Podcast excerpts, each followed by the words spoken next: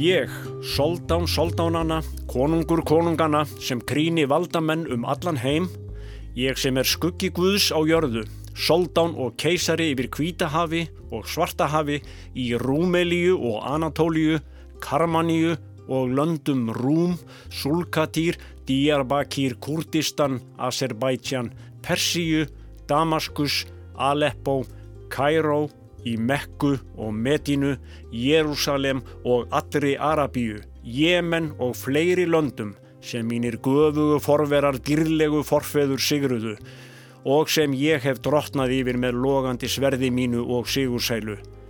Ég skrifa þér, konungur Fraklands. Svo lítilátlega hófst bref sem Frans fyrsta frakkakonungi barst 1536 frá Súleiman, soldán Tyrkneska ottomanveldisins. Súleiman, gjarnan kallaður hinn mikli, var við völd frá 1520 til 1566.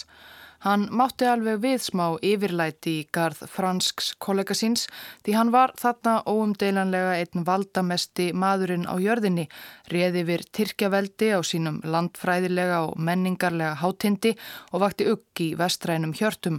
Það voru Evrópumenn sem gáfu honum nafnið Súleiman Mikli, ekki hann sjálfur eða þegnar hans. En hvernig náði hann slíkum hæðum? Eins og Súlimann segir sjálfur í brefi sínu var það ekki síst göfugu og dýrðilegu forfæðurum hans að þakka.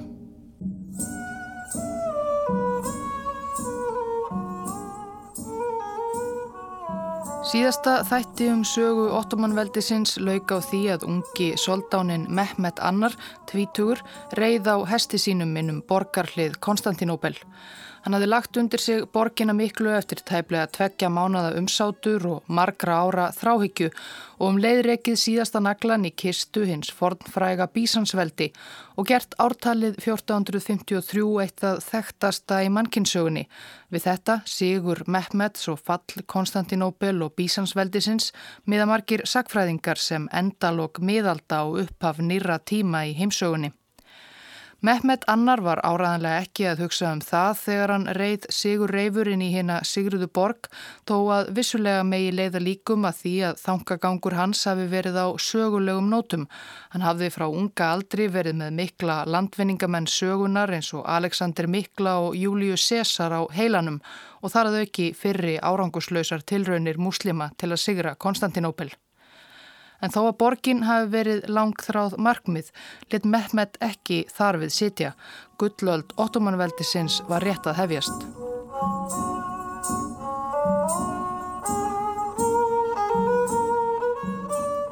Eitt af fyrstu verkum Mehmet sem ráðamanns í Konstantinóbel var að kirkjunni frægu ægisif þar sem borgarbúar höfðu beðið síðustu bænirnar fyrir björgun borgarinnar skildi breytti í Mosku. Hann let svo bóð út ganga um veldi sitt eftir fólki til að setja stað í rústum borgarinnar sem voru næsta mannlausar eftir slátur tíðina eftir að borgarmóratnir brustu. Þeir borgarar sem ekki voru breytjaðir niður af Tyrkjum voru flestir seldir í þreldóm. En að áækjan soldánsins setti stað í Konstantinóbel fólk úr öllum áttum hins viðfema veldisans, kristnir og múslimar og gýðingar og strax var ráðist í umfangsmiklar viðgerðir og endurbætur að íslömskum stíl. Mehmet byggði fleiri moskur og hallir handa sjálfum sér, skóla og bathús og 1459 var reistn borgarinnar orðin slík að hann útnemdi hana höfuðborg ottomanveldisins. Borgarbúar voru þá farnir að kalla borgina öðru nafni, ekki Konstantinóbel eða Konstantiníi eins og hann hafi heitið upp á Tyrknesku, heldur Istanbul.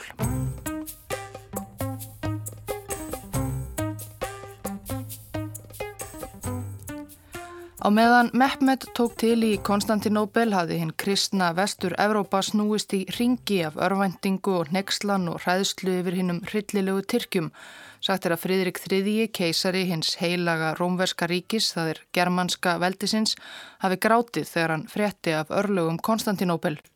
Nikolás V. Páfi kallaði eftir krossferð gegn Tyrkja djöblunum. Hann kallaði Mehmet Són Satans. Sjálfur hafði hann þó ekkert gert svo mikið þegar Konstantín Ellefti bísanskeisari leitaði til hans í aðdraganda árásar Tyrkja. Evrópumenn höfðu ástæðu til að vera uggandi yfir soldáninum unga því hann var hverginæri hættur. Þegar búið var að sópa gödunar í Istanbul lagði Tyrkneski herin aftur af stað til landvinninga. Mehmet lagði snarlega undir sig síðustu skattlönd bísansveldisins á Pelopskaga, Mórefu, þar reður ríkjum tveir yngri bræður Konstantins 11. síðasta bísanskeisarans, Demetrios og Tómas. Raunar hafði kastast í kekki millir þeirra bræðra og sá eldri Demetrios kallaði á Mehmet Tyrkjasoldán sér til aðstóðar í baráttu við bróður sinn, þó Mehmet bæri þegar ábyrð á dauða annars bróðurs, það er Konstantins. Mehmet rakti Tómas á flóta og setti Demetrios í stjórnunarstöðu í Þrakíu í skiptum fyrir lönd þeirra bræðra. Demetrios hjælt Þrakíu þó ekki nema í nokkur ár. Hann fjall síðar í ónáð þjá soldáni fyrir að hafa dreyið sér fjö ágóða af saltskatti en það er önnur saga.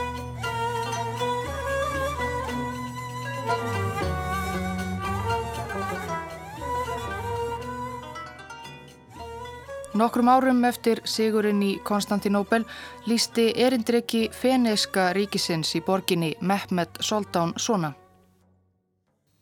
Soldánin, Tyrkin mikli Mehmet, er ungur maður vel af guði gerður og hávaksnari en gengur og gerist. Hann er slingur í vopnaburði. Yfirbrað hans vekur óta frekar en virðingu. Hann hlær sjaldan, er varfærin í dómum sínum og afar gjafmeldur. Hann er alltaf á varbergi, þólir þreitu, hita og kulda, þosta og hungur. Hann er harðráðinn í að ráða niðurlögum kristina manna og hræðist engan. Hann er ekki ofurseldur nokkrum listisemdum eða nöytnum aðeins stýrðar þrá. Eftir að hafa dílað við þá Bísansbræður, Tómas og Demetrios hjælt Mehmet með heri sína lengra inn í Evrópu og tókst að leggja rækilega undir sig nær alla Serbíu. Forfæðurum hans hafði jú áður tekist að leggja undir sig serbnesk lönd á Balkanskaga eins og greint var frá í fyrri þætti en fadir Mehmets, Múrat Annar, hafði hörfað þaðan 1444 eftir stríði við Ungverja sem þá voru orðnir þeirra helstu óvinnir á þessum slóðum. Reyndar tókst Mehmet ekki að sigra aðal borg Serbana Belgrad sem serbar og ungverjar vörðu í gegnum tveggja vikna umsátur miklu fleiri Tyrkja. Sagt er að sá síður hafi komist á í Evrópu að láta kirkjuklukkur ringja á hádegi vegna þess að á meðan Tyrkir sátu um Belgrad hafi Páfi fyrirskipað öllum kathólskum ríkjum að byggja fyrir Sigri Kristina manna í borginni og ringja klukkum sínum. En fyrir utan kraft bænarinnar stóðu kristnir menn á balkanska íllagakvart sókn Mehmeds. Jafnvel sagnarítarar evróskra ríkja sem Tyrkir lögðu undir sig neittust margir til að viðurkenna hversu miklu agaðri tyrknesku hermennir voru en þeirra eigin. Þeir marsiruðu í takt við stríðströmburnar, graf alvarlegir á svip, sættu sig við gröytar slettu í stað þess að krefjast einhvers luxusfæðis, hlítu hverri skipun, beittu vopnum sínum af stakri leikni, sérstaklega hinnir góðsagnakendu Janísarar. Það var eins konar úrvalslið soldánsins, þaul, æfðra og stráng agaðra hermana sem flestir voru reyndar fættir kristnir á Balkanskaganum en hafi verið rænt eða verið seldir korn ungir í þjónustu soldáns, í raun og veru þrælar. Janísarar leku leiki hlutverk í flestum orustum Tyrkja og urðu meðfram því afar valdamiklir í tyrknesku samfélagi, næstum eins konar aðalstjett. Þó svo að þeir hafi svarið soldáninum hotlustu eið, letu þeir ekki bjóða sér hvað sem er. Þeir gerðu einat uppreist nefn þeim hugnaðist ekki einhver hernaðar áform soldáns, tóku líka oft afstöðu í valdabaróttu soldánssona og gáttu þar átt úrslita atkvæði um hver sonurinn varð ofan á.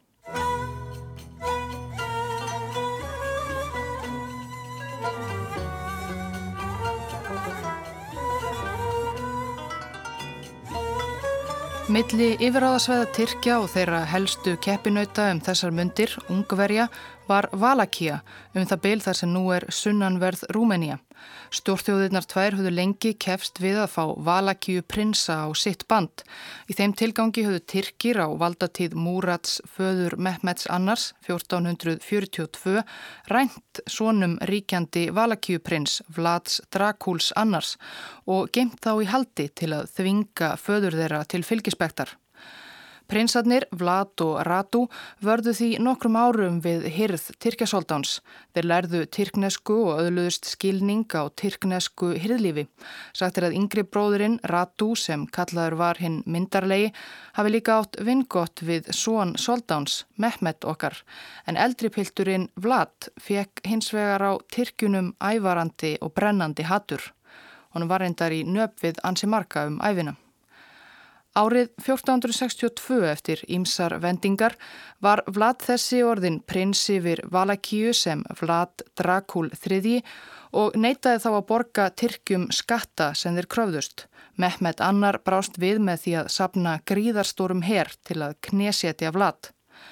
Stríð Tyrkja og Valakíu manna Vlads Drakul varð sérlega blóðugt og mannskætt. Herr Vlads skildi eftir sig sviðina jörð hvar sem hann fór og ein aðferð sem prinsinn beitti var að skipa fársjúku fólki, bergla og holdsveiki og pláusjúkum að lauma sér í raðir tyrkneska hermana til að síkja þá. 17. júni 1462 réðust Valakíumenn á herbúðir Tyrkja á veginum til borgarinnar Targoviste að næturlægi. Vlad sjálfur, dölbúinn sem Tyrki, leitaði upp í tjald soldánsins til að koma honum fyrir Katarnef en fór tjaldavilt, réðist inn í tjald tvekja ráþæra og Mehmet kom slífs af. Heimildum ber svo ekki saman hver sigraði orustuna við Targovísti að lokum en tæpum mánuði síðar hafi Mehmet tekist að ráða nýðurlögum Vlads. Hann rökk á flótta og bróðir hans, Ratu Myndarlegi, sem enn var tryggur Mehmet fornvinni sínum, tók við stjórn ríkisins. Vlad Drakul þriðja er enn í dag minnst fyrir grimd sína og blóðþorsta, fjölda morð og sérilagi áhuga á ákveðinni aftökuaðferð stjaksetningu og varðu vitað kveikjan að vampýrunni frægu Drakula.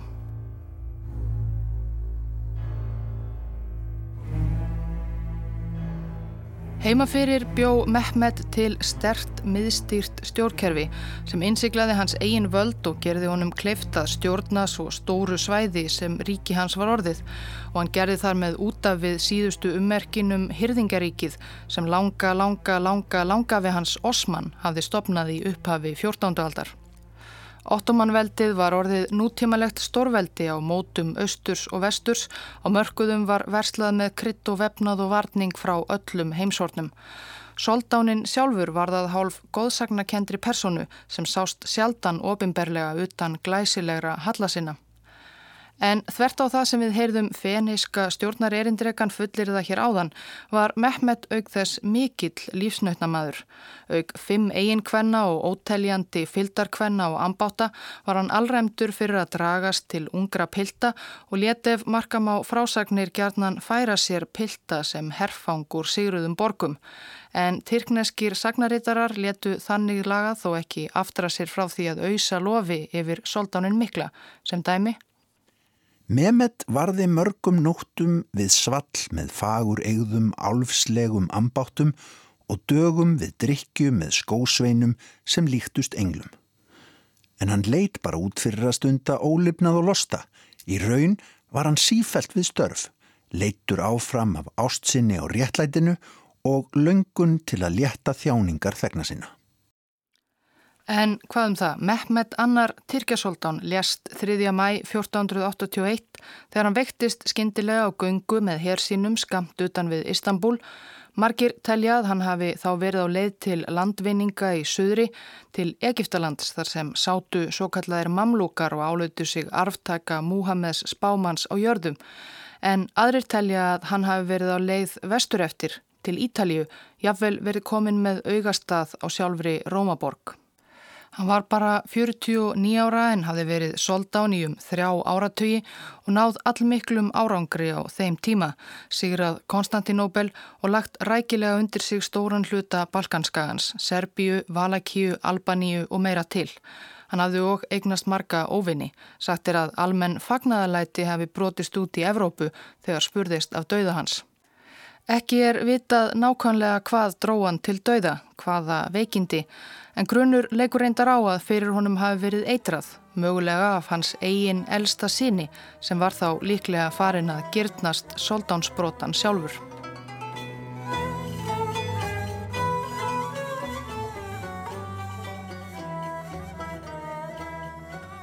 Fyrsta svon sinn Bæjesít eignaðist Mehmet Annar með albanskri konu árið 1447 svo svonurinn var hálf færtugur þegar fadurinn dó. Eins og síður var með ottomanska prinsa hafði hann gengt ennbætti hér að stjóra einhver staðar í heimsveldinu en um leiðu hann frétti af andlátinu haskaði hann sér til Istanbul en lendi þar í átökum við yngri bróður sinn Sem eins og einnig var síður meðal ottomanskra prinsa við andlát feðraðira. Bæjasít sigraði menn bróður síns í bardaga en láðist að drepa hann sjálfan og sem flúði til Kæró og leitaði þar hælis hjá áðurnemdum mamlúkum. Síðar fór sem yfir til Evrópu þar sem hann dvaldi næstu árin sem eins konar fangi þó við talsverðar listisendir í ímsum evróskum ríkjum lengst af í Róm. Það andaði auðvitað ansi köldu millir þeirra bræðra en þeir skrifuðust þó af og til á og skiptust á hveðskap en sumsi eldri bróðurinn varð ofan á og var sæmtur soldánsstegn sem bæjisít annar.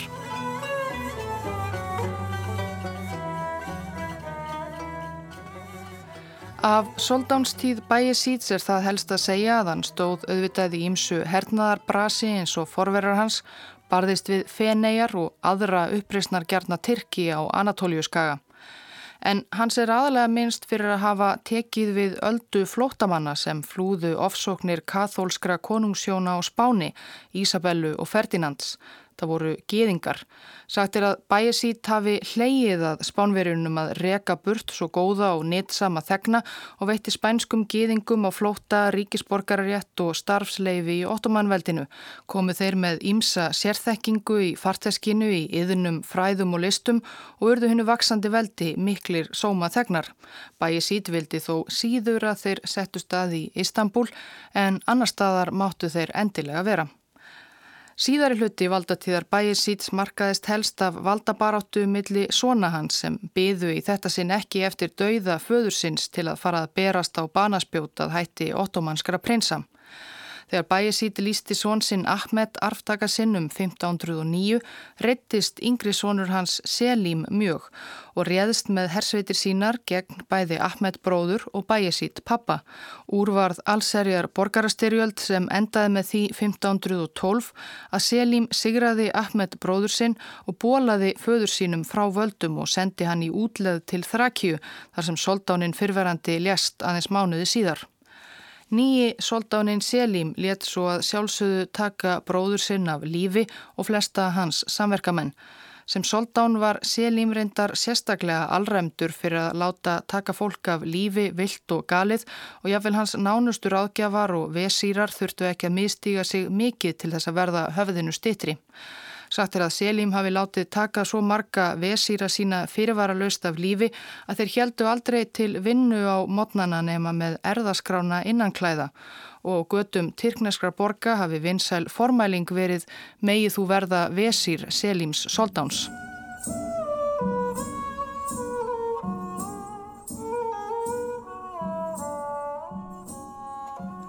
Það er kannski ástæða til að staldra aðeins við aftöku gleði ottomanna á þessum tíma.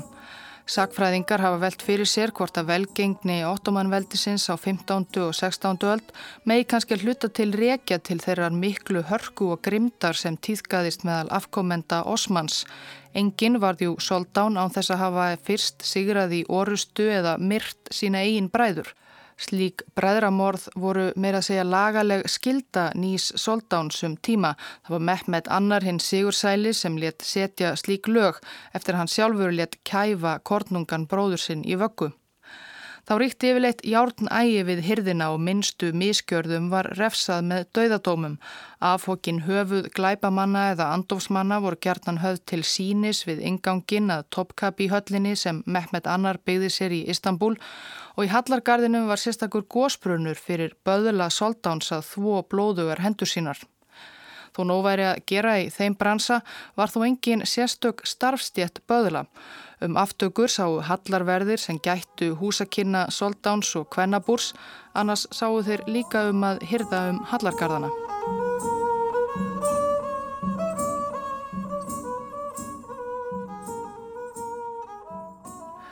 Já, talið er að á 8 ára valdatíð hafi Selim fyrsti látið taka um 30.000 þegna sína af lífi en það fekk hann fljótt viðurnefnið hinn grimmi þó reyndar sér annað viðurnefni hans hinn ákveðni. Það fer líklega eftir því hvernig áðaði litið. Eitt var Selim alltjent ákveðin í að gera og það var að stækka veldi sitt en frekar. Forverar hans höfðu hingað til aðalega litið til vesturs, til Evrópu, en Selim vildi færa út kvíarnar til austurs og sigra þau íslömsku heimsveldi sem þar voru.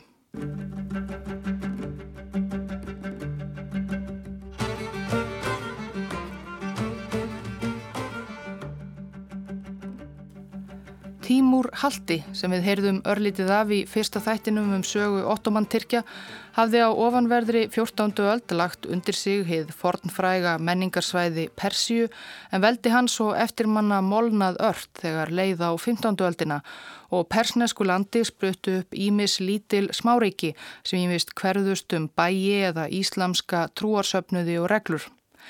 Einslík súfista dulsbeikiregla voru safavítar sem spruttu fram í norð-vestanverðri Persíu um árið 1300. Lengst það var ekkert sérlega merkilegt við safavíta um fram aðrar súfista reglur á þessum slóðum en á ofanverðri 15. öld fóru reglubræður að þjálfa sig í hernaði og sína tilburði til landvinninga. Árið 1501 lögðu sveitir Safavíta undir sig helstu borg vestanverðarar Persíu, Tabrís, undir stjórn 14 ára pilts sem síðar fekk titilinn Sjá Ísmæl og átti eftir að leiða enn frekari hernaðarsigra Safavíta næstu árin og endanum sameina svo gott sem öll smáríki Persíu í eigið veldi. Sjá Ísmail var vel til þess fallin, komin af aðstuprestum safavítareglunar, heilugum mönnum í föðurættina og af georgískum og bísönskum konungaættum í móðurætt og hann leiti ekki síður stort á sig en soldánar Tyrkja og taldi sig bæði arftaka konunga persnesku fortsagnana og Aleksanders Mikla og afkomanda Múhameðs Spámans. Safavítar voru súfistar en dulsbyggi þeirra var að mestu byggð á hefbundinni sunni íslamstrú sem þá var ráðandi í hinnum íslamska heimi þarna sem annar staðar. En einhver tíman á fyrstu árum sjá Ísmails við völd þá tók hann þá ákverðun að taka upp hina megin grein trúarinnar síja Íslam í ríkisínu. Nákvæmlega hvernig þessi síðaskipti gengur fyrir sig er ekki alveg vitað. Nýheldur hvers vegna Ísmæl tók þessa ákverðun. Kanski vildi hann skilja nýtt ríkisitt betur frá nágrununum ottomunum sem yfkuðu mjög hefbundna sunnitrú. Allavega var þessi ákverðun einhver svo afdrefaríkasta í sögu hins íslamska heims. Íran er enn í dag megin víi síja Íslams og spenna milli síja muslima og sunnita ennkennir enn þennan heimsluta. En þegnar Ísmails fóru og að líta á hann sem ekki aðeins heilagan mann heldur næsta guðlegan. Hann fór sjálfur að halda því fram að hann væri endurholdgun píslarvottar síamúslima, Alís, tengdasonar Múhameðs og því raun eini réttmæti leðtogi hins íslamska heims. En það fóru hermenn Safavíta fram af heilagri samfæringum.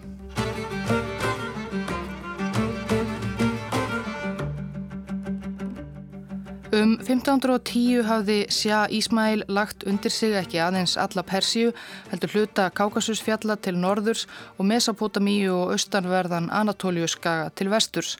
Hann hafði líka nýverið sigrað sterkan hér Úsbeka norður í Miðasju og láti búa sér til demantskreittan drikjarbyggar úr hauskúpu konungsþeira til að undirstryka sigurinn. Þessi uppgangur letiði auðvitað til spennumilli Safavíta og næstu nágranna þeirra til vesturs, ottomanna. Þeim gramtist mjög að fá þessa trúvillinga í nágrannið sem þar að auki gerðu sig líklega til að fara að færa sig inn á Tyrknest land.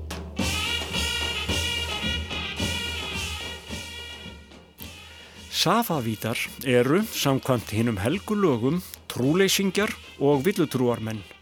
Allir þeir sem samþykja þeirra fölsku trú hjálpa þeim eða hafa samún með þeim eru líka villutrúarmenn og trúleysingjar.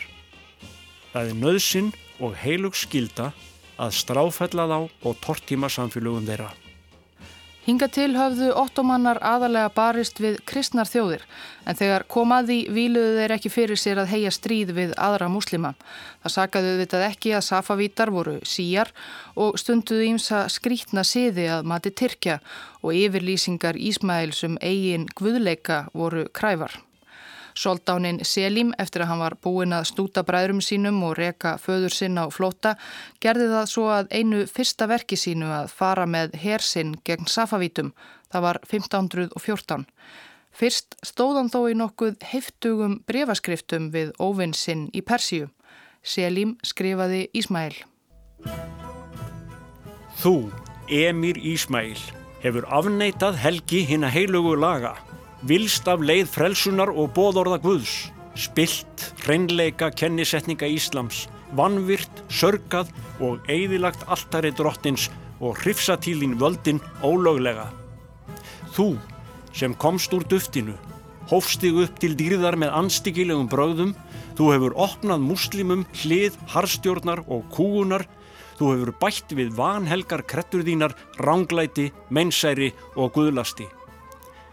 Í skjóli hræsniðinnar hefur þú hvarvetna sáð áróðri og ófriði, þú hefur leift losta og nöðganir, morð á degðugumönnum, eigðileggingu, helgidóma og gravarspjöll. Nú er fremsta skilda muslima að framfylgja bóðorðum Guðs.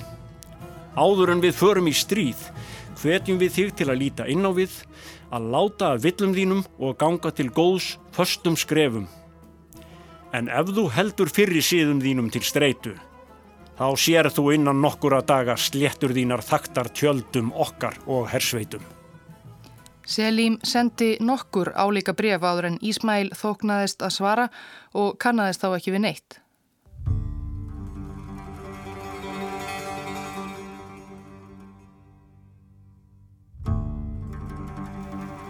Þín háttvirtu bref hafa borist hingað hvert á eftir öðru. Innihald þeirra þó það gefi til kynna fjandskap er sett fram af áræðinni og þrótti. Það síðara veitir oss gleði og ánægu, en við áttum okkur ekki á ástæðu þess fyrrnemda. Á dögum föður í þar sáluga, megi Guð varveita hann, ríkti með oss samlindi og vináta.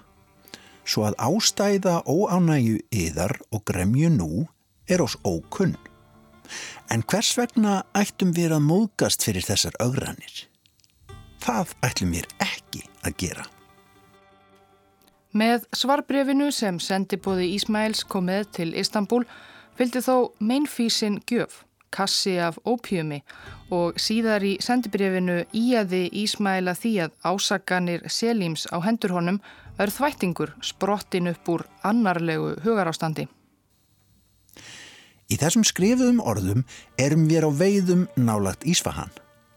Við förum nú að sapna vistum og búa hermin okkar undir komandi hernað og í mesta vinskap segjum við Gerið þér eins og þér sínist. Vertu sæl. Hvað varðum ópjumkassan fylgir ekki sögunni. Allavega hirti Selim ekki um friðarorð Ísmæls og herir Tyrkja og Safavíta mættust í ágúst 1514 þar sem heitir Sjaldíran og er í dag á norð-vesturóta Írans. Menn Ísmæls brunnu af trúarhita kannski en Tyrkir voru fjölmennari, agaðri og betur búnir meðal annars búnir skotvopnum, nýri tækni sem persar höfðu enn ekki tilengað sér. Þrátt fyrir að Tyrkir væru lúnir eftir langt fram yfir Anatóliu skagan sigruðu þeir því Safavíta nokkuð öruglega og lögðu þar með undir sig austanverða Anatóliu og hluta Mesopotamíu. Selim Grimmi let sér ekki næja að stráfella menn Sjá Ísmæls við sjaldýran, heldur tók hann einkonur leiðtógans höndum og raunar allt hans kvennabúr áður en hann helt svo heimálið. Sagan segir að Ísmæl hafi verið svo harmþrungin yfir ósigrinum eða kvennamissinum að hann heilagur maðurinn datt rækilega í það og varði því sem eftir var af æfinni bugaður maður drukkin í höllu sinni. Hernaðar afreg Safavíta urðu því ekki meiri á hans valdatíð en veldi Safavíta livði enguða síður af ósigurinn við sjaldýran og áttu arftakar Ísmæls eftir að elda grátt silfur með ottomönnum um ókomna áratugi.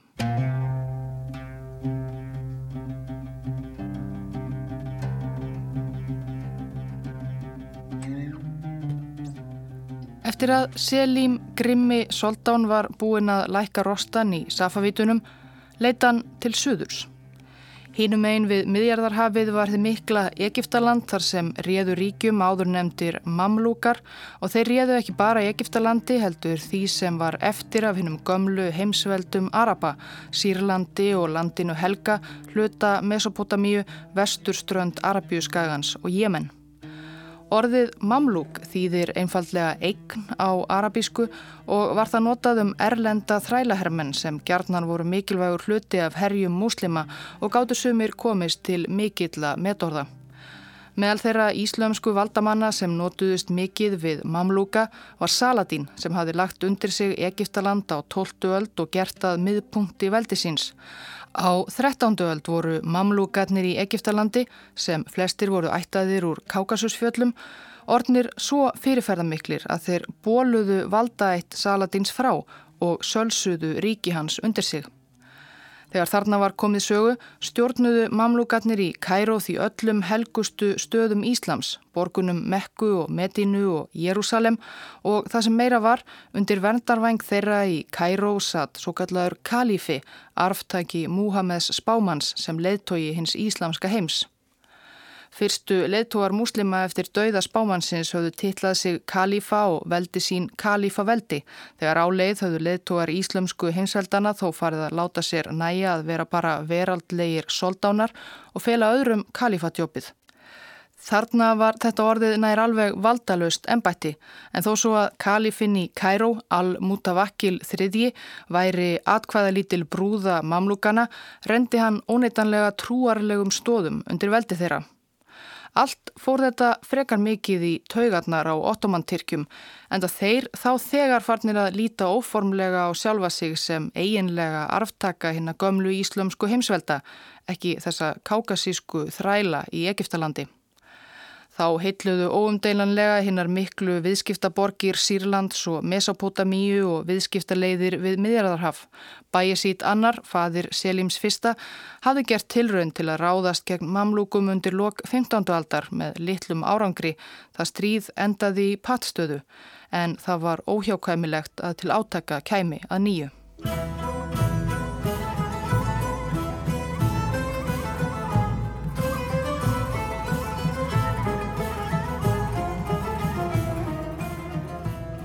Ágæti hlustandi með að við það sem við hefum heyrt hinga til var framvindan í stríði Tyrkja og Mamlúka nokkuð fyrirsjáanleg. Tyrkir voru sem endrarnær miklu fjölmennari og vopnaðir nýtískulegum hakabissum. Mamlúkar voru svo stoltir af sinni gömlu hernaðarmenningu að þeir eru lítið hýrtum að fylgjast með nýjustu vindum í stríðstækni. Fyrsta orustan rétt norður af Aleppo í Sýrlandi í ágúst 1516 laug með Sigri Tyrkja á örfáum klukustundum. Hermenn Mamlúka lögðu skelkaðir á flóta. Sýrland fjall því auðveldlega í Tyrkja hendur. Mamlúkar hafðu ekki verið vinsælir í Sýrlandi, hafðu ekki hyrt sérstaklega um sýrlendinga og sagan segir að borgarbúar í Aleppo hafi verið svo feignir að sjá að baki í mamlúkunum að innreið tyrkneskra hermanna inn í borgina var fagnað með þryggjadaga vestlu og húlumhægi. Suður í Damaskus reyndi svo engin að verjast Tyrkjunum, heldur voru bænir seljím Tyrkjasoldan til dýrðar sungnar úr turnum moskna borgarinnar. Í janúar 1517 leiti Selim sjálfur hersinn þvert yfir sína í skagan og til árásar á heimsborgina Kæró. Eftir hérna vandraðulegu ósigra í Sýrlandi aðið Soldán Mamluka, Túman Bey, reyndað fjölga í liði sínum með því að þjálfa hyrðingjana í Eidimörk Egiptalands í hernaði og útvega einhver skotvopn handa mönnum sínum. En þetta var allt of lítið og of seint og vopnin léleg. Bardæginum Kæró var enguða síður harður. Það var barist hús úr húsi og blóð rannum götur. En þegar borgin loks fjell fóru tyrkneskir hermenn um rænandi og rupplandi og Túman Bey, síðasti soldán mamlúkana, var drepinn og lík hans látið hanga yfir borgarliðunum. Al-Mutavakil, kalífinn áðurnemdi, var tekin höndum og fluttur til Istanbul. 250 ára soldánsveldi mamlúkana leiðundir lok. Þó reyndar fengju þeir mamlúkar sem eftir livðu að halda áfram einhverjum völdum í Egiptalandi sem undir menn soldáns. Tyrkjaveldi var þá þegar orðið svo stort að það var útilokað að soldánin geti stjórna þessu öllu sómasamlega alla leið frá Istanbul. Svo Tyrkir hafðu þá þróað þá stefnu að vera ekki að breyta svo miklu í stjórnkerfi þeirra landa sem þeir lögðu undir sig, svo lengi sem Tyrkir fengju sitt og soldánin hefði síðasta orðið. Selim Grimmi heima í höllinni eignaðist þar með sjálfa Jérúsalem og allt landið helga og áttaga trúarsinnar í Arabíu, Mekku og Medínu.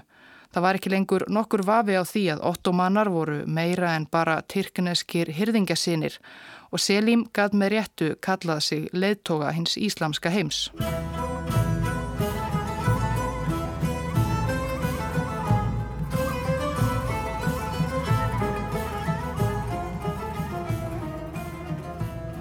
Til er svo saga þegar kalífi Mamlúkana al-Mutavakkil III var komin sem fangi til Istanbul hafi hann verið látin afsala sér kalífatilli sínum til soldánsins Selims.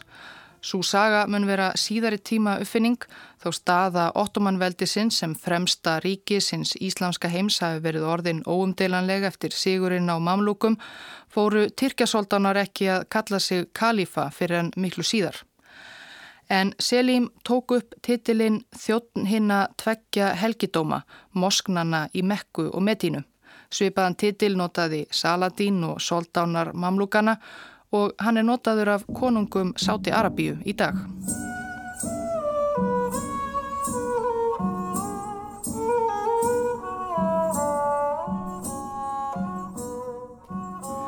Yfirtaka Tyrkja á Jérúsalem og landinu Helga vakti litla lukku í henni kristni og Evrópu.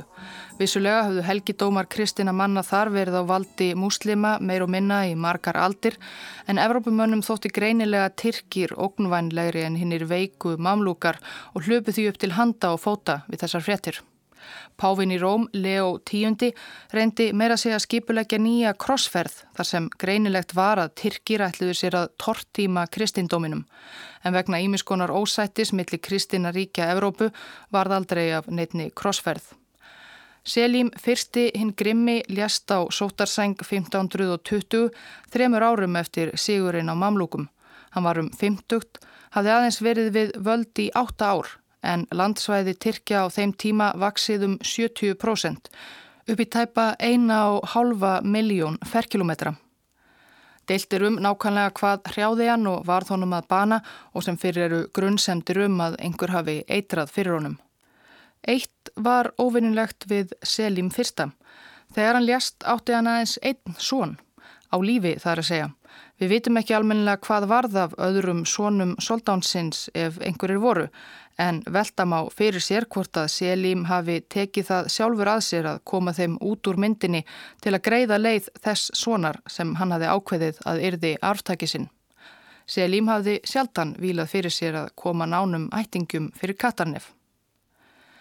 En sá sonur var því augljós arftæki hins mikla veldis og þurfti ekki að myrða einn einasta bróður eða annan ættingja sjálfur. Þegar hann frétti af andláti föður síns steig hann því einfallega á bak hesti sínum og reið til Istanbul. Hann var þá 26 ára og það var hann sem síðar skrifaði brefið til Frans Fraklandskonungs sem við heyrðum lesið upp úr hér í byrjun þáttarins. Þar sem hann titlaði sig lítilátlega konung konungana, soldán soldánana og skugga guðs á jörðum og það gæti hann velgert því Súleiman hinn mikli átti tvímælalaust eftir að verða mikilfenglegasti soldáninn í sögu Tyrkjaveldis.